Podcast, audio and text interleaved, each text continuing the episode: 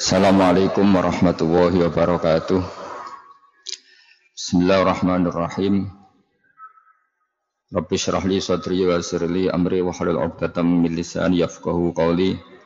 Wa shalli wa sallim wa barik ala habibika Mustafa Muhammadin wa ala alihi wa sahbihi asma'in nama ba'du. Yang sangat kami hormati Ki Haji Sanusi Bajo, Haji Suharso Munarfa, Bapak Asrusani, Mas saya Haji Arwani Tomafi, putra guru saya Haji Tatsias Maimun, Bapak Haji Dasat Latif, yang juga sangat saya hormati dan beliau ini adalah guru kami, Wakil Ketua Dewan Majelis Syariah Haji Abdul Ubab Maimun dan semua jajaran Majelis Syariah jajaran DPP P3 yang semuanya saya hormati. Eh, sebelumnya beberapa tamu dari DPP minta saya ngisi acara ini doa untuk negeri dan Maulid Nabi Muhammad Shallallahu Alaihi Wasallam. Saya tidak akan banyak memberi masukan karena kebenaran hakiki adalah kebenaran yang dititipkan Allah Subhanahu wa taala pada setiap perasaan individu. Sehingga Islam datang hanya untuk mendukung atau membenarkan al-fitrah as-salimah, kecenderungan baik dari manusia. Saya tadi pagi ngisi di acara ini dan saya anggap sama yaitu sama-sama kita di P3 maupun di Indonesia. Idolakan Hadratus Syekhina Kiai dan hari-hari ini ada gerakan mendukung beliau sebagai pahlawan nasional. Kenapa ini ada hubungannya dengan P3 bahwa di Indonesia kata beliau untuk berjuang membenahi Indonesia Tentu beliau inginnya pakai partai yang resmi, pakai kultur-kultur politik yang dianut oleh orang-orang sebelum beliau. Karena kita tahu P3 adalah fusi dari partai-partai Islam yang dulu, sehingga beliau sampai akhir hayatnya mugeni P3 atau tetap berkhidmat di P3, begitu juga putra-putra beliau. Ada Ki Haji Abdul Maimun, ada Ki Haji saya di sini hanya menyampaikan satu makalah yang ditulis kitab Al-Bidayah wa Nihayah karangan Ibnu Katsir Ad-Dimishki. Beliau terkenal sekali pengarang tafsir Ibnu Katsir. Dalam halaman 238 juz 5 beliau menghentikan atau menceritakan seorang wali yang menghentikan law anna li da'watan mustajabatan la da'udu biha li imami amatin Fa innahu idza saluha aminatil bilad wal ibadu. Jadi di antara khazanah dari wali-wali dulu adalah kalau saya tahu punya jatah satu doa yang mustajab. Saya ulang lagi, para wali-wali dulu cara berpikir sangat-sangat positif dan sangat-sangat berpikir untuk orang banyak. Kalau saja saya tahu punya satu saja doa yang mustajab, doa yang pasti dikabulkan Allah, pasti doa itu tak peruntukkan seorang pemimpin besar. Seorang presiden atau khalifah atau syekhul masyayah atau siapalah. Bukan untuk saya. Karena ketika pemimpin besar ini, imamu amatin, mungkin dalam konteks modern bisa presiden, bisa raja. Sekali beliau ini baik, maka kebaikannya akan dirasakan seluruh bangsa. Jadi guyonan saya kalau misalnya ada wali kapasitasnya hanya RT atau RW atau ada orang sholah yang kapasitasnya hanya diakui satu kampung. Kalau dia baik tentu kebaikannya hanya dirasakan satu kampung. Jadi kalau seorang presiden atau raja atau perdana menteri atau syekhul masyayah atau siapa yang imam mu'amatin dia baik, beliau baik, maka kebaikan ini akan dirasakan seluruh rakyatnya, seluruh bangsa Indonesia. Sehingga dari ajaran-ajaran guru kami, Syekhina Kiai Memun Zubair, diajarkan bahwa kita tidak boleh egois. Apa artinya kita soleh sendiri kemudian bangun masjid susah? Apa artinya kita soleh sendiri kemudian tidak menciptakan komunitas sosial? Bahwa bangsa ini ketika dihimpit pandemi, banyak masyarakat yang pulang kampung karena di kota di PHK. Kemudian mereka baik-baik saja karena ada sistem sosial yang ditanamkan para kiai, para orang-orang baik untuk menolong yang lemah, untuk memberi makan yang kelaparan, untuk menghibur yang sedang galau. Sehingga selain negara berbuat baik, sistem sosial kita juga berbuat baik. Negara tentu tidak cukup untuk mengawal semua ini, masyarakat juga tidak akan cukup untuk mengawal semua ini. Maka dibutuhkan jiwa besar dan kearifan untuk sama-sama mengawal bangsa ini. Sehingga para wali dulu di antara yang dikatakan kemudian banyak kiai Indonesia yang menyimpulkan lawa alim tu anna law alim tu anna li du'awatan mustajabah la ta'awudu biha li imami amatin fa innahu idza saluha aminatil bilad wal ibad jadi kalau kata wali-wali dulu kalau saja maka doa itu akan saya peruntukkan supaya pemimpin kami itu soleh sehingga soleh ini bisa merata di seluruh bangsa ini kemudian yang kedua ini di antara yang saya terus apa mengkaji sama Syekhina Maimun Zubair sehingga saya termasuk tentu orang yang mendukung gelar kepahlawanan itu. Di forum ini saya juga minta sekaligus sama DPP 3 untuk ikut ikut membantu. Meskipun saya tahu beliau tidak butuh itu, tapi kita butuh bahwa negara ini akan berhubungan baik dan selalu baik dengan ulama, dengan tokoh-tokoh agama. Kedua, saya akan cerita sedikit tentang cara sosialisasi Islam atau kebenaran di bumi Indonesia. Saya baca kitab Ashifa, juga ada di kitab Ikhya, juga ada di beberapa kitab. Ini sebagai referensi acuan, saya menulis di kitab Ashifa halaman 83, kalau di Ikhya di juz 3 halaman 508. Di situ diceritakan ada seorang bedui, orang bedui itu orang yang kurang peradaban, orang kampung lah kira-kira gitu. Minta sesuatu kepada Rasulullah. Karena Rasulullah itu tidak orang kaya, tidak banyak harta, beliau dikasih sekadarnya. Dan memang itu kemampuan Rasulullah, bukan karena kikir. Si Arabi ini kecewa dan ngumpat-ngumpat. Ketika si Arabi kecewa dan ngumpat-ngumpat ini banyak sahabat yang ingin memukul dia karena dianggap tidak etis, tidak sopan kepada Rasulullah Shallallahu Alaihi Wasallam.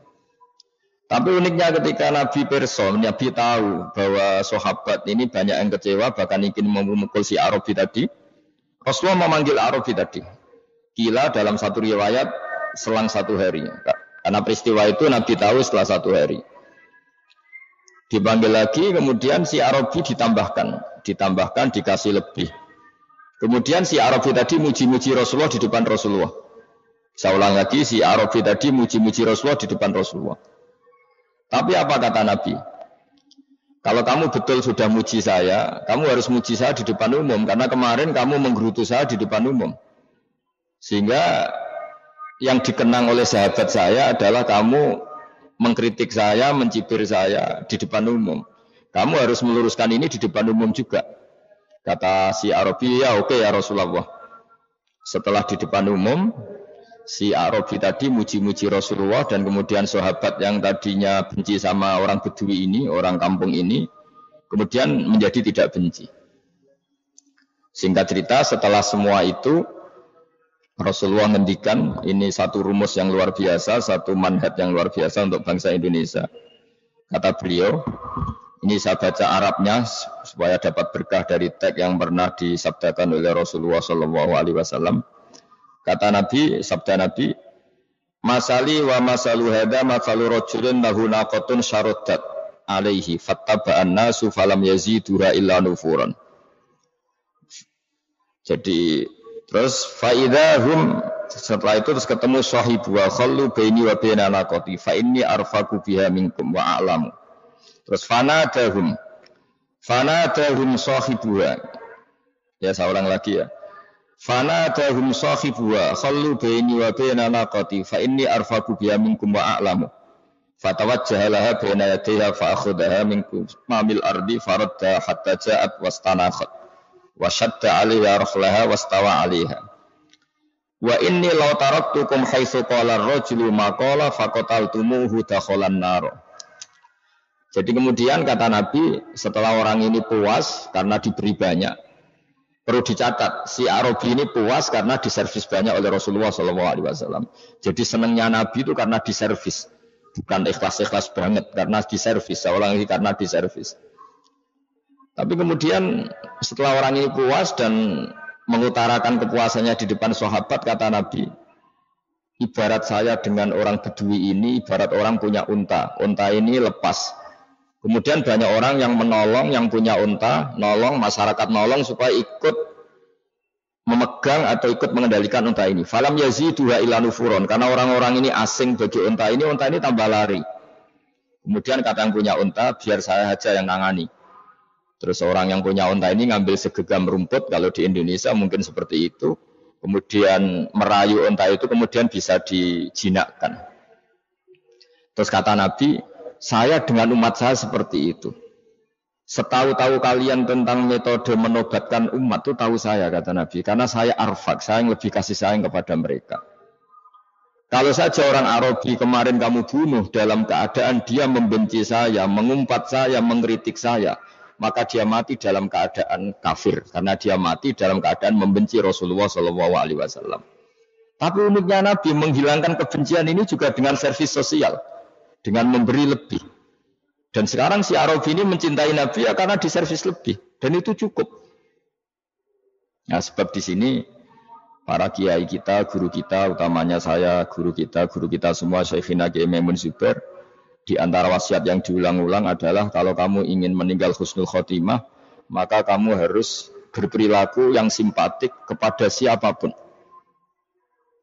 Wal ya'ti ilan nas ma yuhibbu ilaih. Kita harus berbuat baik dengan siapa pun karena agama ini, kebenaran ini bisa dicintai ya kalau kita baik. Karena al-insan abdul ihsan, manusia itu pasti kalah dengan kebaikan. Saya berkali-kali dalam diskusi fikih sering bilang, mungkin fikih formal akan mengatakan senyum itu sunat. Tapi ada konteks tertentu di mana misalnya kita bersaing dengan orang-orang zolim, orang fasik. Yang orang fasik senyum baik, kemudian kita yang soleh itu menggerutu, mengumpat. Tentu orang yang masih netral, tidak soleh banget, ya tidak fasik banget, akan milih yang nyaman, yaitu ke yang fasik. Karena yang fasik baik, yang soleh gerutu. Maka dalam konteks seperti ini senyum akan kita katakan wajib. Karena hanya dengan cara itu kebaikan menjadi menarik. Begitu juga menyangkut sodako. Mungkin secara fikih formal yang wajib hanya zakat dan beberapa sodako yang wajib karena darurat. Tapi dalam konteks lapangan, saya ulang lagi dalam konteks di lapangan, ada orang fasik, orang dolim yang bawaannya itu dermawan, coro jowo nyanyoh sering memberi. Yang soleh bawaannya ini kikir misalnya. Maka orang akan simpati kepada yang fasik tapi dermawan. Sehingga akhirnya kita berpendapat dermawan itu ya wajib. Sehingga ketika Nabi diceritakan ada satu ketua daerah Sayyidu, Sayyidul Wadi kalau dulu orang Arab bilang diceritain dia punya keluasan begini-begini, punya kelebihan begini-begini begini. Terus kata Nabi, ya sudah dia pemimpin kamu. Setelah Nabi dilaporin, tapi dia kikir ya Rasulullah langsung sama Nabi, jangan, dia jangan jadi pemimpin. Wa ayudain adwa uminal bukhl kata Nabi. Gak ada penyakit seburuk kikir itu. Nah, sebab itu kenangan kita semua kepada Mbah Maimun selain ramahnya, selain kealimannya, selain kearifannya, tentu kenangan kita semua adalah sahoknya, sifat dermawannya. Dan beliau sering fatwa dan itu saya hafalkan. Man arada sabat ala ta'alimi hadatin fi misli hadal asr labudda wa antakuna lahu ma'arif wa madarik lam tuhat fil ayyamil khaliyah. Ini sering saya hafalkan. Jadi orang kalau ingin berdakwah agama ini di negara seperti ini, di zaman seperti ini, dia harus punya madarik, punya satu penemuan, punya satu manhat yang belum pernah dipraktekkan oleh ulama-ulama dulu. Di antara yang paling saya kenang tentu beliau ketika membolehkan atau bahkan menyuruh Gus Yasin koalisi dengan Pak Ganjar, di sini ada fikih nasionalis religius sehingga beliau punya sunnah, punya tasrek bahwa kita harus berhubungan baik sama negara ini. Begitu juga putra-putra beliau dulu Kiai Haji Abdul pernah di PRRI, pernah di PR wilayah, begitu juga Gus Yasin wakil gubernur, adik saya ini juga PLTP 3 di Rembang. Semuanya itu adalah e, mengawal supaya bangsa ini hubungannya itu baik-baik saja. Sehingga saya pernah baca di kitab Ithaf, kitab yang sering disebut Mbah Maimun Sarah Ikhya. Kata beliau, di kitab Ithaf itu ada seorang wali yang saking walinya sudah di alam malakut, meninggalkan alam fana ini, meninggalkan manusia-manusia di bumi ini. Kemudian setelah di alam malakut masih ditegur sama Allah. Orang yang di bumi ini adalah orang-orang yang saya ciptakan dan itu ada hubungan rahim dengan kamu. Maka kamu harus kembali ke bumi menata mereka sebagai bentuk silaturahim. Sehingga ajaran Mbah Maimun dan semua orang-orang alim, apa pun baik kita, apa pun wali kita, apa pun dekat kita kepada Allah, pada akhirnya nyatanya Rasulullah Shallallahu Alaihi Wasallam yang sudah sampai Sidratil Muntaha, kemudian beliau disuruh turun lagi oleh Allah membenahi manusia-manusia yang ada di bumi karena semuanya itu kita. Ar-Rahim sujnatun minar rahman. Sehingga kita mengurus manusia, mengurus bangsa Indonesia, mengurus partai P3 itu bukan bagian yang harus tercerabut dari kewalian keulamaan tapi juga itu bagian dari mandat keulamaan Mbah Mun, kewalian Mbah untuk menata bangsa ini.